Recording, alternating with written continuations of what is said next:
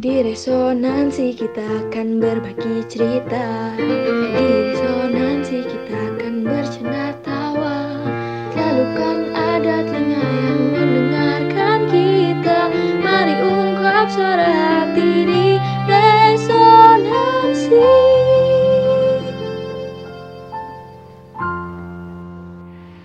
Balik lagi di Resonansi bersama saya Patrick. Dan saya Eka. Kita bersyukur kita memasuki di musim ketiga ya. Selamat datang Sobat Resonansi sekalian di musim ketiga Resonansi. Iya. Kita kita berangkat ya Pak ya dari musim sebelumnya kita hanya Betul. ngomongin kebaperan, baper mulu tiap minggu gitu ya, Mhm. bimbang, dilema dan sebagainya. Sekarang kita mau lebih dewasa gitu ya dan kita harus Mhm. belajar lebih dewasa dengan cara mengembangkan karakter kita. Dan Betul. pertama-tama karakter itu kita tahu gitu ya, pasti terbentuk dari lingkup terkecil, lingkup yang paling awal kita kenal sebagai individu, yaitu di keluarga kita masing-masing. Jadi di perdana ini kita akan ngomongin soal pengaruh keluarga terhadap pembentukan karakter kita gitu Pak ya. Kita ngomongin apa Hmm. aja sih Pak kira-kira hari ini? Ini tuh kayak eh, seminar di sekolah TK, SD gitu kan. Seolah-olah judulnya kayak gitu ya kan. Padahal sebenarnya kalau kita eh, sobat resonansi ya eh, kupas lebih dalam ini kita sebenarnya ngebahas sesuatu yang insani banget yang Hmm. kita nggak bisa hindari bahwa ternyata apa yang kita suka, apa yang kita nggak suka di keluarga kita, itulah yang membentuk kita sampai segede gini gitu loh bro. Bener banget. Mhm. apakah itu yang kita anggap ber- bermanfaat atau ngeenakin ataupun enggak kan itu pengaruh ya tetap ya kita Betul. jadi seperti apa hari ini tuh karena itu semua gitu Dan bicara dua alam juga bro sebenarnya hari ini kita. ah Jadi maksudnya eh, sesuatu pengaruh yang kita terima secara sadar dan suatu pengaruh yang Mhm. kita terima secara nggak sadar atau di alam bawah sadar kita gitu. hmm, Nah, Menariknya ya di season 3 ini ya bro ya. Kita itu kalau di sekolah zaman dulu kan pakai cawu ya bukan pakai semester cawu 1, cawu 2, cawu Hmm. 3 ya kan. mm-mm, Nah per cawu itu kan 3 sampai 4 bulan ya. mm-mm. Nah jadi resonansi di season 3 ini sebenarnya udah memasuki akhir cawu 1 gitu loh bro. ya dan kita Siap. tentunya berharap ya apa yang kita sharingkan di channel ini selalu menjadi progresi bahwa ya kita mention lagi ya bahwa awalnya kita ini dari ya dulunya yang adalah eh, saya bekas gurunya Patrick gitu kan. Patrick dulu murid SMP begitu kan ya. Dan ya ternyata sekarang kita terus terus terus terus terus sampai kepada titik di mana kita oh melihat satu karakter sebagai sesuatu hal yang perlu dibahas gitu loh bro. betul. Dan kebetulan kita juga menyadari ya kita di sini bukan pakar psikolog ya, jadi kita cerita karakter bukan dari sudut pandang ahli gitu kan, tapi dari sudut pandang kita sebagai pribadi yang bergumul atau berjuang untuk bertumbuh.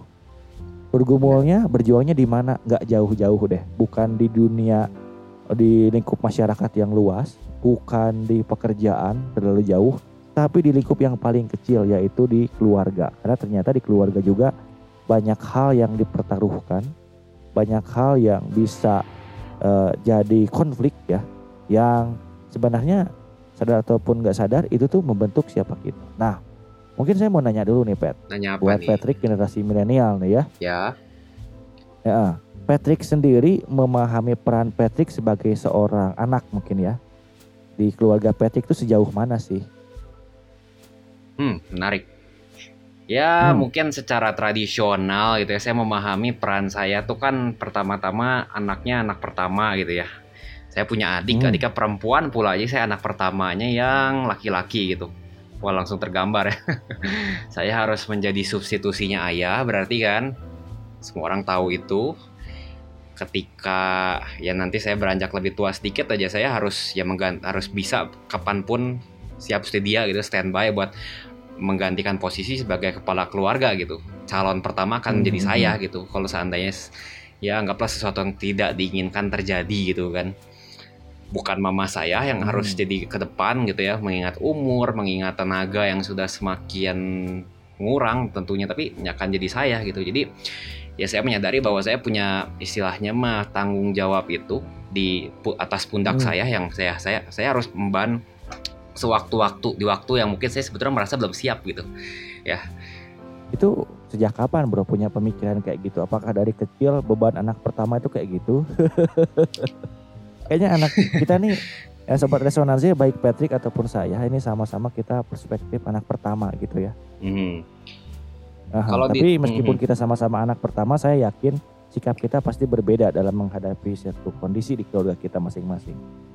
Of course, nanti Pak Eka juga punya jawaban sendiri yang pasti, tapi ya jawaban saya secara konservatif, secara ya orang semua orang juga tahu gitu general ya seperti itu gitu. Hmm. Tetapi mungkin memang sekarang so far ya puji Tuhan belum terasa juga karena ya puji Tuhan orang tua juga masih baik-baik gitu ya, masih mampu, masih Hmm. kuat, masih bekerja bahkan gitu loh.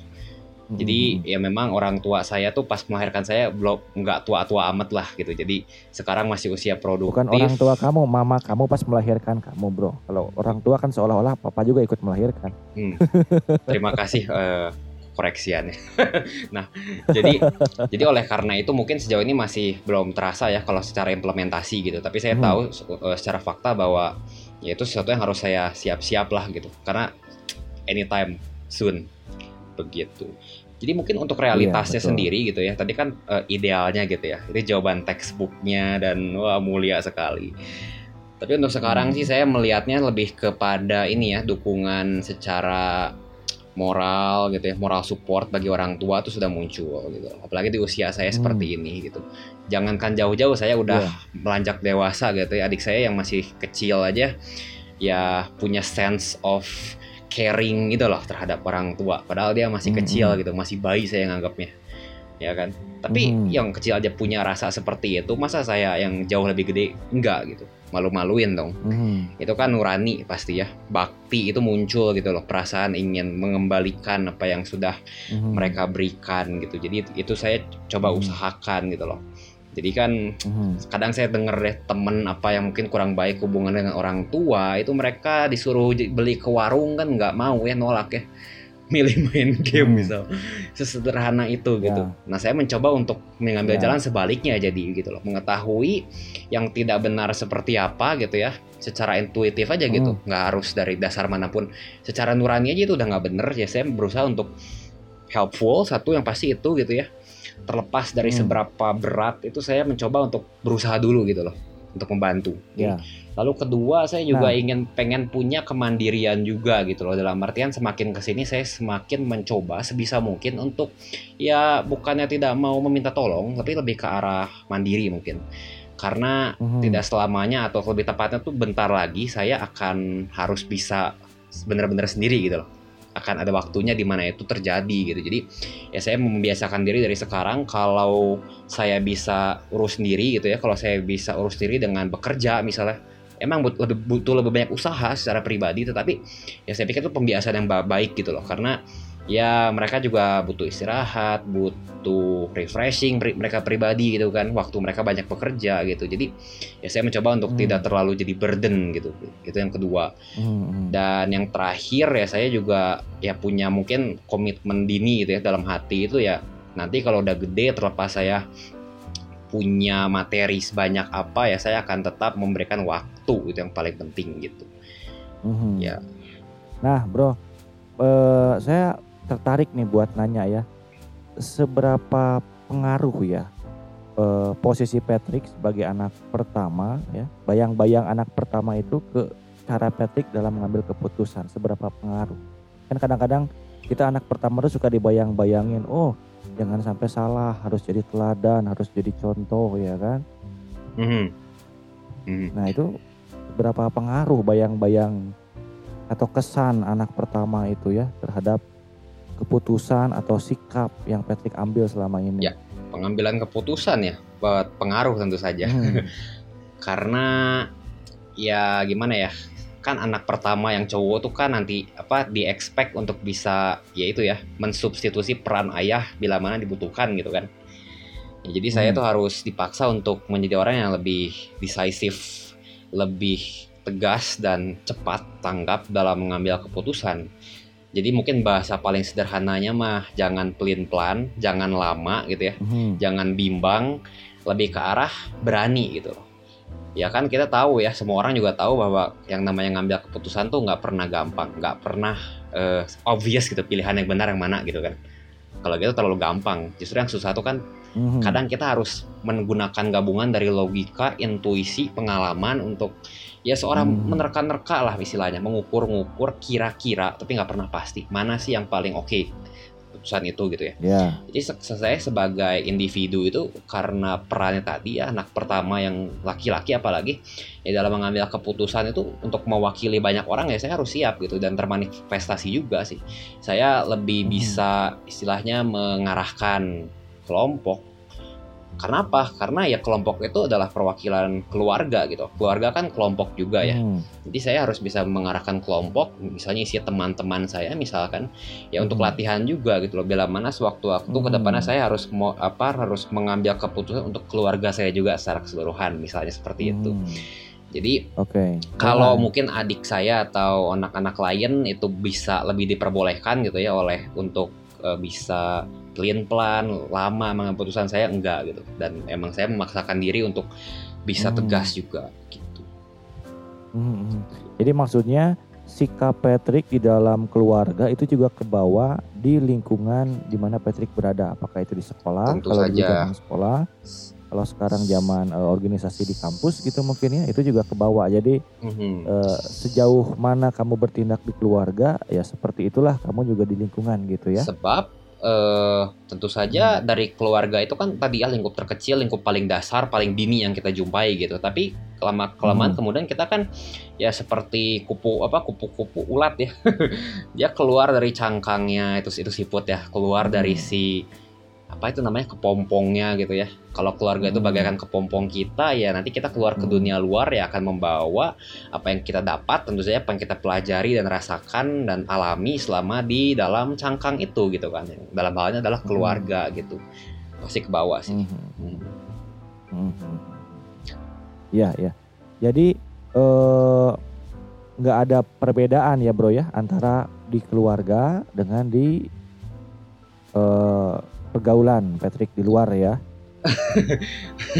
perbedaan ini ngomongin perbedaan ini saya menarik gitu ya karena ini ngarahnya ke ya gimana ya ada saya tahu gitu loh orang-orang tertentu yang berbeda gitu loh menampilkan dua sisi Ya. dua muka apa pun lah sebutannya dua wajah yang berbeda di keluarga misal dia merasa tidak terlalu diterima akhirnya dia ya beda di keluarga Ya. dia orang negatif pesimis marah-marah agresif dan sebagainya di pergaulan dia mencari Oh. penerimaan karena di keluarga dia nggak diterima ya di pergaulannya dia justru behave gitu kan tetapi saya Iya. sih merasa tidak sejauh itu tidak menyimpang seperti itu necessarily Oh. karena itu melelahkan pertama dan ya kedua ya puji Tuhan lagi-lagi ya keluarga juga harmonis gitu tidak masalah lah Hmm. jadi memungkinkan itu terjadi Iya. gitu Iya. Karena bro izinkan saya untuk eh, memasukkan ya kata-kata Patrick ini ke dalam berkas-berkas file di otak saya karena yang kamu sampaikan cukup banyak jadi saya me- mempoin-poinnya kudu mikir dulu.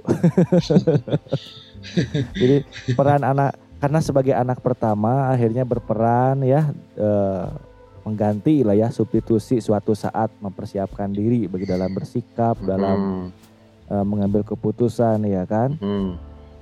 Hmm, lalu berusaha untuk memberikan kontribusi atau peran yang positif gitu maksudnya ya bro ya. that's right Dan itu apa yang ya kemampuan kamu dalam memimpin di di keluarga gitu ya itu juga dibawa ke dunia di mana kamu berada gitu kan. betul Konteksnya mungkin kampus untuk hari ini gitu kan ya. misalnya begitu Nah, Nah, kalau ya agak berbeda sedikit dengan saya nih. Eh, gimana tuh? Soalnya kan ta- tadi di awal bilang eh, mungkin sama konteksnya soal anak sulung laki-laki, tetapi ada perbedaan tetap dari segi sikap menanggapinya gitu. Gimana sih perbedaannya Iya. kalau menurut Pak Eka? Ya kalau kalau saya merasa bertanggung jawab eh, sama dalam dalam posisi itu. Cuma aneh kalau saya bro. Jadi karena merasa bertanggung jawab, jadi kurang berani ambil keputusan. Karena takut salah ya. Kalau salah kan eh, bahaya gitu. Akhirnya lebih lebih memilih untuk mungkin lebih sabar, tapi akhirnya lebih lebih terlambat gitu ya. Berbeda dengan adik saya yang lebih cepat kalau ngambil keputusan itu. Hmm. Kemudian bedanya dengan Patrick mungkin poin yang ini. Ketika saya di keluarga berusaha untuk jadi seorang abang gitu ya, seorang kakak Hmm. ya dan ya berperan sebagai anak laki-laki yang paling tua. Tapi ketika di lingkungan di mana saya berada, contohnya di kampus dahulu kala, saya selalu menempatkan diri sebagai adik gitu. Hmm. Kenapa? Menarik tuh. Karena kalau menempatkan diri sebagai seorang adik Hmm. ada dua poin yang saya dapat. Kalau salah saya akan ada yang negur, Mhm. akan ada yang ngasih tahu. Mhm. Itu. Mhm. Yang kedua, kalau sebagai seorang adik itu enak dapat banyak traktiran dan warisan. Karena waktu saya jadi anak pertama gitu kan, kan saya nggak dapat warisan apa-apa. Ong saya paling pertama lahir ya kan, Hmm. mau diwariskan apa kan gitu. Hmm. Nah, tapi kalau saya di lingkungan kampus ya kakak tingkat kan udah pada lulus tuh, saya dapat banyak warisan, warisan gitar. Mereka kan nggak mungkin tuh lulus bawa-bawa gitar ke kampung halaman kan pasti kasih ke adik tingkatnya lah. Iya, iya. Dan saya sudah berperan sangat baik sebagai seorang adik. Jadi nggak gitar itu nggak akan ke siapa-siapa, pasti ke saya lah gitu. Gitarnya, bukunya, Eh, Ya, oke. dan ya agak sedikit konyol juga ya. Mungkin baju-bajunya yang masih bagus layak pakai ya turun juga ke saya gitu. ya kalau masalah ilmu jangan ngomong, ilmunya juga turun Ya. gitu. Jadi maksudnya ketika saya di eh, keluarga nggak dapat kesempatan untuk belajar, Mhm. untuk salah gitu kan. Karena kan anak pertama tuh bisa nggak boleh salah gitu. Maka saya menggunakan lingkungan luar saya, pergaulan saya untuk saya bisa banyak belajar salah gitu. Karena tipe papa saya dulu ya keras. Jadi kalau salah itu langsung bukan dikasih tahu yang benar. Jadi kalau kamu misalkan disuruh main musik salah gitu. Papa saya tuh akan ngomong bodoh, goblok gitu nggak ada dibenerin oh ini mainnya begini gitu nggak ada langsung aja goblok bodoh udah gitu kita kita tanya "Ya, jadi gimana yang benernya masa gitu gajah kamu nggak tahu gitu bapak saya Hmm. jadi saya udah menyimpulkan bahwa ah nggak ada guna nih belajar di keluarga kenapa nanya aja nggak bisa ya kan akhirnya ya saya belajar dari orang lain begitu itu cukup lama ya sampai saya cukup mengerti bahwa oh yang namanya setiap keluarga tuh punya eh, keunggulan dan kelemahannya sendiri-sendiri punya keunikannya sendiri-sendiri gitu Menarik sih. Jadi emang Ah. beda ya dan kalau saya kan membawa ya istilahnya ya membawa mengenakan gitu ya apa yang saya Ah, lakukan peran saya di keluarga tuh kan Betul. terbawa keluar kalau bapak itu sebaliknya justru menanggalkan apa yang harus dilakukan di keluarga gitu ya ya. ketika bisa keluar Tapi tuh itu dianggap eh, sebagai saya underline ya Kan- itu bukan berarti saya munafik ya bro ya bukan berarti saya munafik oh, ingin diterima orang bukan. Tetapi ya karena saya tidak dapat posisi yang mengizinkan saya untuk salah di keluarga ya ya maka saya cari nah, kayak gitu. Ya, seperti yang saya bilang tadi gitu loh, bahwa mungkin Bapak masuk ke salah satu tipe teman yang saya punya di mana ya berbeda aja sisi yang ditunjukkan. Tapi itu ya karena mencari kesempatan ketika di luar itu satu-satunya momen di mana Bapak memiliki kesempatan untuk ya bisa mengekspresikan diri satu dan mencoba untuk men- apa ya men- men- menjalani ya peran lain gitu loh yang dirasa lebih Hmm. cocok mungkin kalau bisa memilih tapi kan di keluarga namanya juga dilahirkan siapa yang bisa memilih gitu ya mungkin tendensi Betul. bapak lebih ke arah pengen menjadi adik karena tadi ada benefitnya ini ini ini ini, ini gitu kan Mhm. jadi nah ketika saya Mhm. di rumah nah saya mulai tuh bagaimana apa yang saya terima dari abang-abang saya yang di luar gitu ya mhm, saya terapkan ke adik saya bagaimana mereka murah hati. Oh, berarti saya sebagai abang di keluarga saya harus murah hati. Meskipun saya banyak sekali kekurangan. Nah, kayak gitu. Apa yang saya dapat gitu kan. Dibawa di keluarga gitu sebagai anak hmm, pertama. hmm. Hmm. jadi Bagaimana memberikan benefit yang saya yang saya, sudah saya terima jadi belepotan ngomongnya. tapi menarik adik saya gitu. menarik ya kalau saya kan eh, lagi-lagi ini agak sedikit berkebalikan gitu ya tapi justru menarik karena kalau Hmm. saya itu mem- ya tadi ya di eh, apa yang saya pelajari di keluarga tuh kan saya tuangkan di dunia luar gitu ya kalau bapak Iya. sebaliknya apa yang bapak dapat dari dunia luar dari pergaulan tadi misal dengan kakak tingkat itu justru Iya. dibawa ke dalam keluarga ya jadi Karena mungkin gini, Pet. Heeh. bukan berarti keluarga saya nggak sehat ya, tapi keluarga saya ini terlampau unik ya. Kalau Patrick mungkin di kondisi yang komunikasinya eh, agak ya lancar ya. Kalau Mm-mm. saya ini di keluarga yang komunikasinya kurang lancar. Saya ini sama bapak saya dulu hampir-hampir tidak pernah ngobrol. Aduh sorry, gatel. sampai batuk-batuk bro. Hampir-hampir nggak pernah ngobrol. Jadi saya itu cuma kalau disuruh ambilkan ini, pergi beliin ini, suruh apa, nah baru melakukan gitu. Tapi kalau ngobrol nggak pernah sama bapak saya gitu, karena takut Oh, kan. oke. Nah, jadi nggak ada komunikasi, juga nggak ada kesempatan buat bisa belajar. Ya saya belajar dari dunia luar gitu. Hmm. Termasuk untuk urusan dan saya tuh anak yang eh, paling nggak mau minta sama orang tua. Jadi meskipun misalkan saya tuh pengen punya gitar misalkan, ya lebih lebih mending nabung dari uang jajan saya gitu. Nanti kalau udah punya baru beli gitu. Hmm. Nah, di zaman kuliah kan banyak kebutuhan tuh. Ya. Hmm. Dan kebet- dan kebetulan kan saya beasiswa ya kuliah itu. Hmm. Dan ya saya juga nggak pernah minta orang tua untuk untuk eh, danai gitu kan. Hmm. Jadi berhubung saya punya abang-abang yang baik, jadi mereka tuh yang kadang mau minjemin buku gitu kan, ngajak jalan-jalan ke mana. jadi uang saku saya tuh rada utuh gitu. strategi yang Nah. bagus ya. Ke mana uang saku saya yang utuh itu? Selain daripada dipakai untuk keperluan, saya juga sisihkan buat adik saya.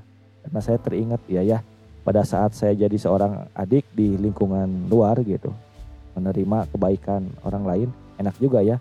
Berarti saya sebagai seorang abang juga di keluarga harus bisa menyisihkan nih supaya bisa ngebeliin ya sepatu baru ya kalau akhir tahun misalkan. Kan kalau anak sekolah dikasih sepatu baru atau tas baru gitu kan atau mainan apa yang dia suka gitu kan. Saya ingat eh, adik saya dulu kan suka futsal tuh ya. Hmm. Saya lihat di mall itu ada sepatu futsal Nike bagus banget. Lalu saya pikir, aduh ini kalau adik saya yang pakai pasti dia seneng gitu kan. Hmm. Pasti dia jadi paling keren di lapangan. Ya saya tabung tuh bro. Ya gimana caranya supaya bisa kebeli si sepatu Nike ini. Alhamdulillah puji Tuhan kebeli juga gitu. Nah itu salah satu bagaimana kita belajar eh, meniru kebaikan orang ya. Ya. Mantap, pembentukan karakter itu datang dari keluarga kayak saya. Ada juga yang datang dari luar gitu. Mungkin dari keluarga di bapak tuh nggak terlalu banyak terserap gitu ya saya da- dapetnya tuh. Mhm.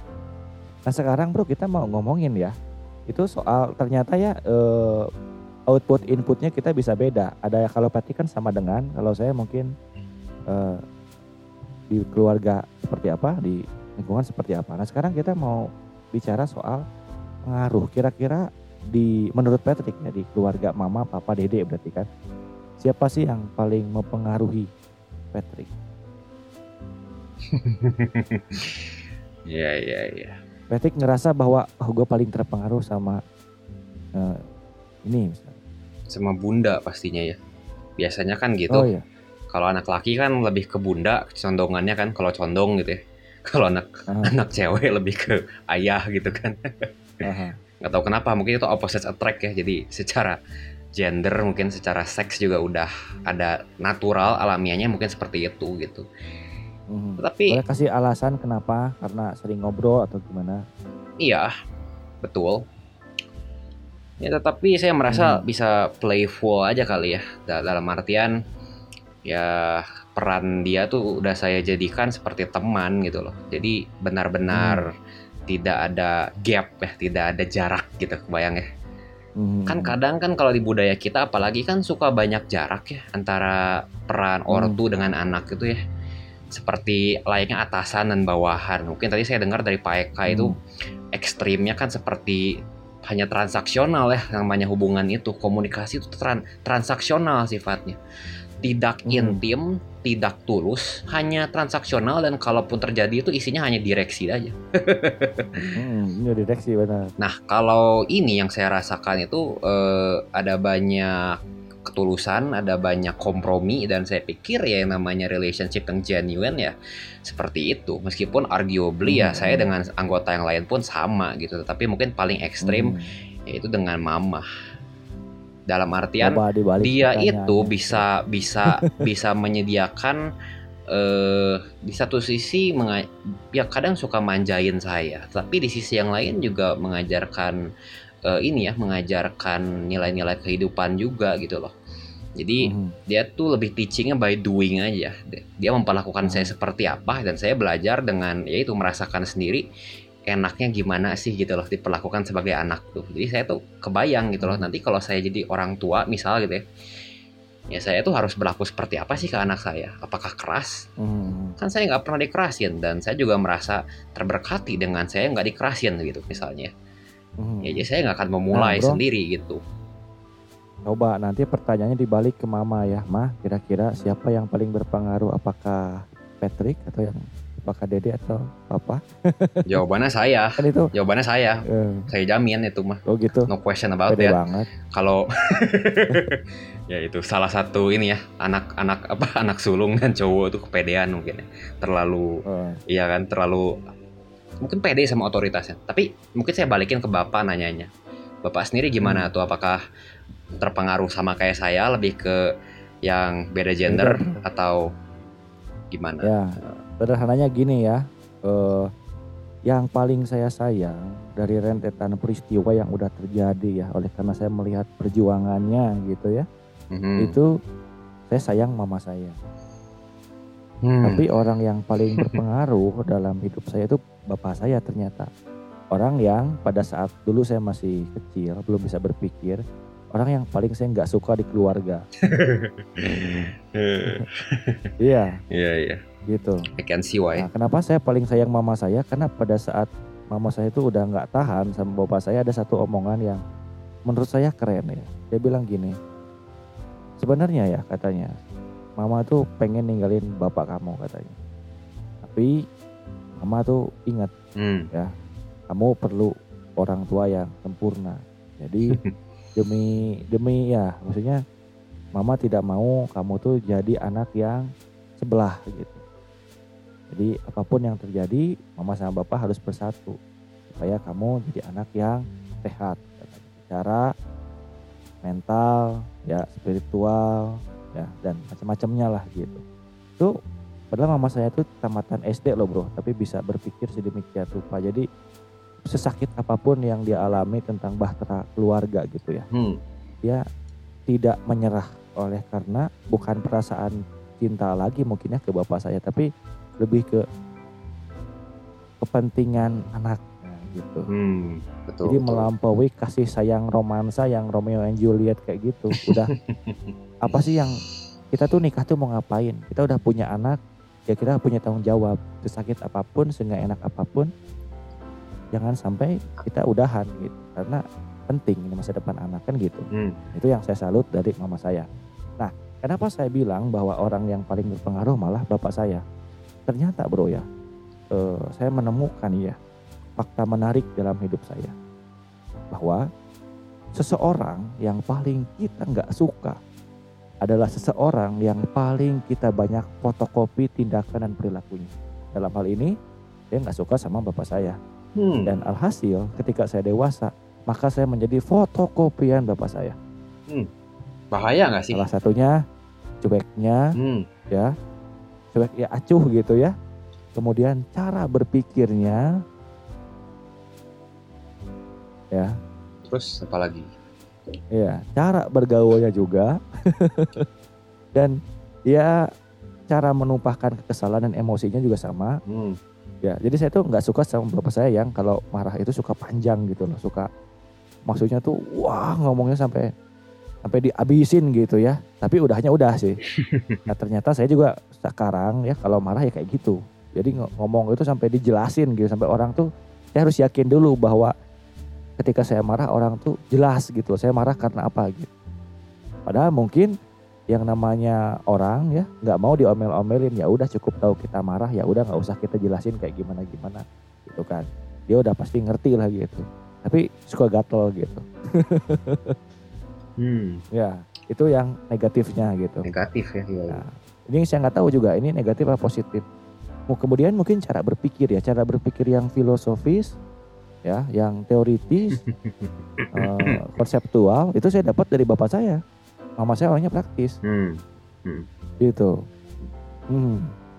jadi unik ya Mungkin ya, yang mungkin giannya bapak Hmm. lebih kental aja kali ya. giannya bapak betul ya bagi dari bapak itu. ya ya saya sih eh, konon katanya kalau intelektual diturunkan dari ibu ya konon katanya betul betul juga sih betul menurut konon katanya Nah. Ya Tommy cara berpikir eh, metodologi berpikir mungkin ya.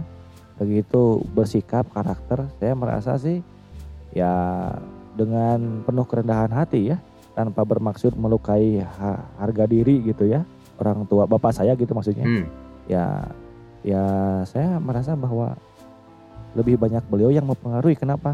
Karena kan ada ketakutan bro. Ketakutan sama sosok bapak gitu ya yang akhirnya membuat kita selalu ingat sosok beliau dan akhirnya kita juga secara nggak sadar memfotokopi tindakan tersebut gitu loh jadi mungkin pelajarannya ya hati-hati dengan apa yang kamu takuti karena kamu akan seperti apa yang kamu takuti dan hati-hati dengan apa yang kamu tidak sukai karena kamu akan seperti apa yang tidak kamu sukai juga gitu.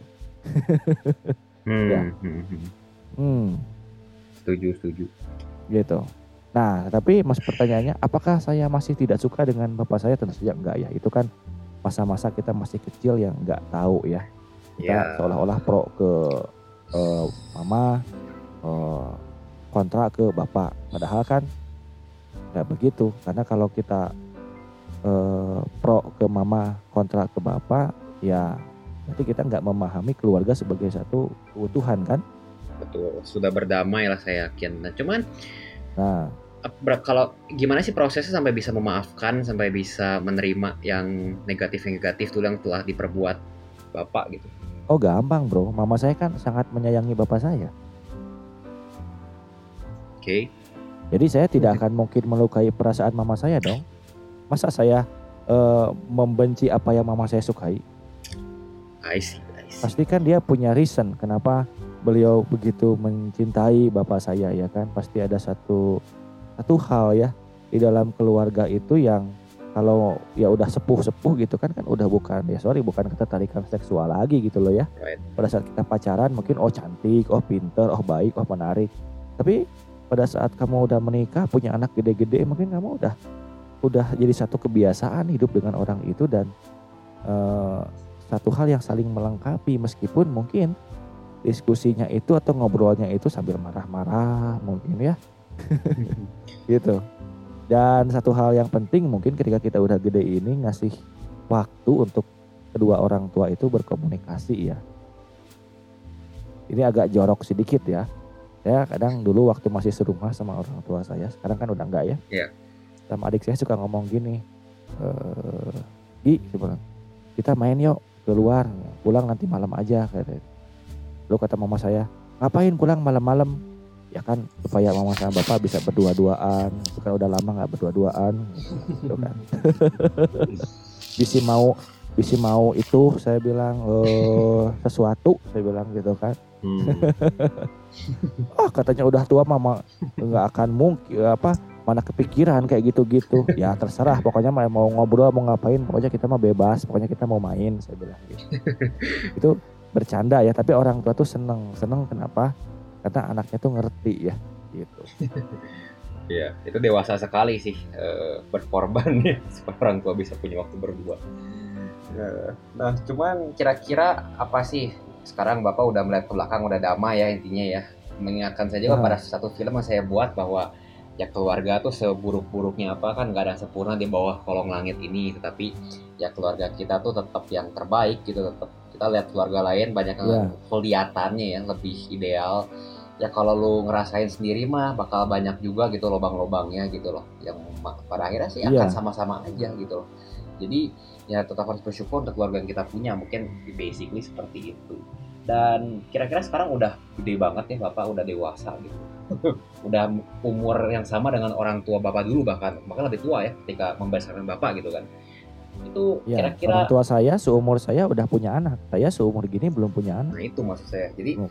sekarang belum punya istri. sekarang Iya. sekarang kira-kira apa sih yang mau dibaktikan kepada orang tua gitu? Apakah ada rasa tanggung jawab tentang ya itu ya bagaimana kita bisa membalas mereka? Bentuk apa aja yang bapak pikir layak diberikan kepada mereka gitu sebagai tanda terima kasih mungkin meskipun mereka tidak mengharapkan ya gitu kan katanya.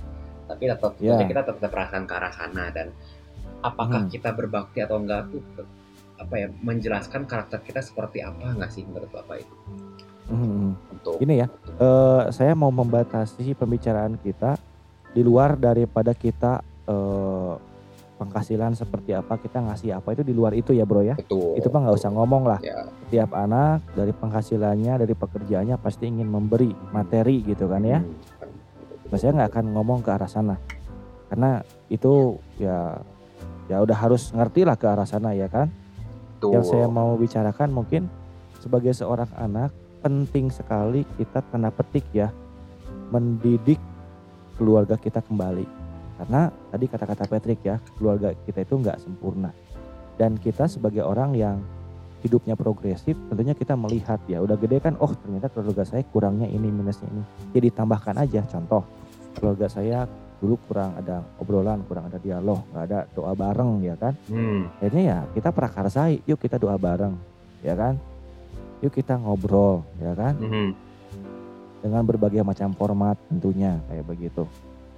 Nah, dan menegur juga untuk kebiasaan-kebiasaan yang memang tidak perlu gitu. Meskipun kita posisinya anak tapi kita bisa menurut saya ya gitu. Jadi jangan jangan takut untuk mengubah. Mengubah ini tentunya ke arah yang lebih baik gitu loh bro. Itu juga salah satu bentuk bakti kita kepada keluarga kita. Contoh buat keluarga saya ya saya sekarang lagi belajar untuk membangun komunikasi yang baik. Yang mana karena dari nenek moyangnya gitu ya kakek saya juga sama eh, bapaknya juga nggak ada komunikasi gitu akhirnya jadi ke bapak saya juga kayak begitu ke saya juga jadi begitu. Kan saya juga nggak bisa menerima oh kata gitu ya udahlah gitu aja. Nah, nggak bisa gitu kita harus ya berubah. Makanya kalau dulu tuh marah nggak suka sama bapak gitu kan. Kalau sekarang saya malah berpikir ya kenapa ya saya dulu kok bisa sampai nggak suka? Kan itu kelemahan beliau gitu. Itu kan? Bukan beliau yang mau bersikap kasar bersikap ketus ke saya. Tapi kan beliau juga nggak nggak pernah mengalami nggak pernah menerima kehangatan pelukan seorang ayah gitu. Bagaimana beliau mau memeluk saya anaknya? Beliau juga belum pernah gitu kan? Hmm. Nah, jadi perasaan itulah yang akhirnya membuat kita di keluarga itu untuk memperbaiki me- apa ya konstruksi mungkin ya. Ya arah dan tujuan gitu kan keluarga kita gitu. Terlepas daripada kita eh, dapat materi apa ya tentunya dikasih gitu ya tapi selain daripada itu menurut saya penting ya kita untuk eh, membangun kembali keluarga kita gitu dari segi habit ya dari segi kebiasaan gitu Bagus juga itu sih tipnya. bro bahwa eh, Nah. bahwa kita itu bakti mungkin bakti yang terbaik yang bisa kita berikan itu untuk me- mengevaluasi ya dan yang kita rasakan apa yang kurang dari dulu kita ketika dibesarkan gitu ya ya kita evaluasi dan kita coba berusaha untuk menambah lubang-lubangnya gitu supaya ya di waktu Hmm. yang kita masing-masing masih punya masih miliki ini ya kita bisa tetap merasakan kehangatan atau keadaan yang lebih dari status quo dulu gitu ya. Iya. Mhm. Karena gini Pet, kembali ke pernyataan Patrick ya. Kita kan nggak tahu kapan orang tua kita ya. Waktu kan terus berjalan. Tapi pertanyaan itu juga dibalik ke kita. Jangan berpikir karena kita muda, kita akan selalu punya waktu untuk membahagiakan mereka. Dulu saya pernah salah jalan. Salah jalannya gini, waktu orang tua saya telepon, saya selalu bilang, nanti aja teleponnya saya masih kerja. Nanti kalau saya udah berhasil, sok mau mau ngapain juga gitu kan. Mhm. mama mau apa saya beliin nah itu ternyata menyakiti perasaan orang tua gitu loh bukan berarti orang tua tuh nggak suka kita kerja bukan. Tetapi ya eh, kita tuh kalau mau membahagiakan tuh bukan nanti tapi sekarang. Gitu loh bro. Nanti ya nanti lagi ada urusannya gitu. Maksudnya eh, di luar daripada pekerjaan bagaimana komunikasi kita bagaimana respon kita ya bagaimana perhatian kita kepedulian kita. Jangan sampai kita anak muda zaman sekarang disibukkan oleh sesuatu yang sebenarnya malah menjauhkan kita dari keluarga kita meskipun mungkin secara income penghasilan lebih eh, menjanjikan gitu ya kan Mhm. Mhm. bisa nggak orang tua kita tuh ngebesarin kita sampai kuliah sampai pekerjaannya berhasil eh pekerjaannya berhasil anaknya meninggal orang tua dapat apa dapat kesedihan kan Betul. betul. ngegedein gitu kan belum belum pernah ada momen yang spesial bersama anaknya udah pergi duluan. Itu hancur banget orang tua. Nah jangan sampai kayak gitu maksud saya. Jadi Hmm. penting kita memberikan lebih dari sekedar materi ya. Kita memberikan makna justru ya. Kita memberikan kenangan, pengalaman ya. Hmm. Gitu bro. Nah Mantap. kalau Badar sendiri dalam kehidupan keluarga tentu juga ada ada cara-cara tertentu kan untuk membahagiakan eh, dua orang tua kan ya. Mungkin sebetulnya saya sudah sedikit singgung, sedikit jawab di awal bahwa ya saya mulai dari hal sederhana di mana saya meluangkan waktu mencoba menjadi helpful. Kadang kan orang suka ya tadi ya perbandingan ekstrimnya dengan teman-teman lain yang disuruh beli kecap ke warung tuh kan lagi main game sibuk ah males gitu sendiri aja. Nah menghindari yang seperti itu. Dan mungkin untuk Hmm. skala yang lebih besar ya mereka tuh kita cari ta- tahu aja mimpi-mimpi apa yang belum tercapai mungkin. Bahkan gini loh saya, saya pikirnya ya ini mimpi individu kita sendiri aja belum tentu tercapai despite our best efforts. Ya tidak ada yang bisa memastikan loh kita bisa berusaha tapi Tuhan yang menentukan kan. Kita mau Hmm. mewujudkan mimpi orang tua itu sangat mulia gitu loh mewujudkan mimpi sendiri aja belum tentu bisa. Apalagi orang lain begitu. Nah jadi intinya lagi-lagi balik ke moto hidup gitu ya. Ya lakukan yang terbaik gitu loh.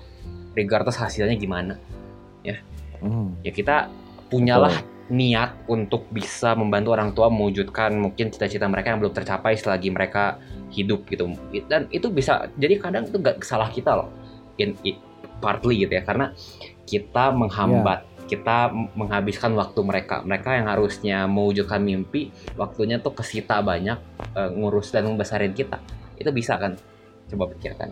Jadi karena kita tahu itu ya kita juga mungkin punya moral obligation untuk setidaknya berusaha gitu ya regardless of the result untuk berbakti kembali dengan cara identifikasi lah ntar mereka udah udah udah dewasa udah punya pensiun kasihlah gitu lah sayangi mereka. Karena waktu kita terbatas. Jadi ya Betul. itu gitu ya jadi semoga itu beresonansi dengan sobat resonansi semua gitu ya ada beberapa cara yang bisa kita Hmm. lakukan dan gak ada mana yang salah mana yang benar itu tergantung konteks dari keluarga masing-masing tentunya Mhm. tapi yang pengen kita Betul. bilang bahwa itu sangatlah penting bahwa karakter kita tuh tergambar loh gitu loh. Akan tampak, Betul. akan jelas tampak. Dengan hanya melihat kita tuh ada usaha ngasih ke arah berbakti. Kalau nggak ada ya kita harus bertanya-tanya gitu loh. Kita tuh orang berkarakter buruk atau kurang baik atau masih ada yang bisa ditingkatkan. Mungkin itu refleksi untuk kita semua gitu ya. Tapi sejauh ini kita bakal bilang bahwa yang namanya keluarga itu perannya tidak sangat gini ya, sangat-sangat penting terhadap pembentukan karakter kita dan timbal baliknya kita memperlakukan keluarga kita seperti apa pun itu akan me- me- mewujud atau menggambarkan karakter kita. Mungkin Betul. Ya secara recap seperti itu gitu Pak Eka dan kita, kita mungkin mau Bener bro. kita mungkin untuk sekarang karena sangat sudah asik banget ya gitu ya ngomongin keluarga tuh akan Betul bro. sangat Kalau ngomongin luas keluarga gitu. bisa sampai subuh nih. Udah akan sangat out meluas. of durasi ya kan. Jadi kita mungkin untuk sekarang mau tutup tapi kita bakal bilang bahwa minggu-minggu ke depan kita akan terus bahas soal karakter, pengaruh-pengaruh lainnya di luar keluarga gitu. Yang tentunya bakalan Hmm. asik banget dan dipenuhi oleh ya ada beberapa bintang tamu yang akan kita bawa. Jadi nantikan saja ya untuk apa bagaimananya saksikanlah minggu depan dan minggu-minggu setelahnya. Tapi untuk sekarang Pak Eka mungkin kita akan tutup dulu dahulu gitu ya. Kita ucapkan Betul, terima bro. kasih pada listeners kita dan kita mengucapkan akhir kata Cerita cerita satukan satukan kita. kita. See you the next episode. Episode.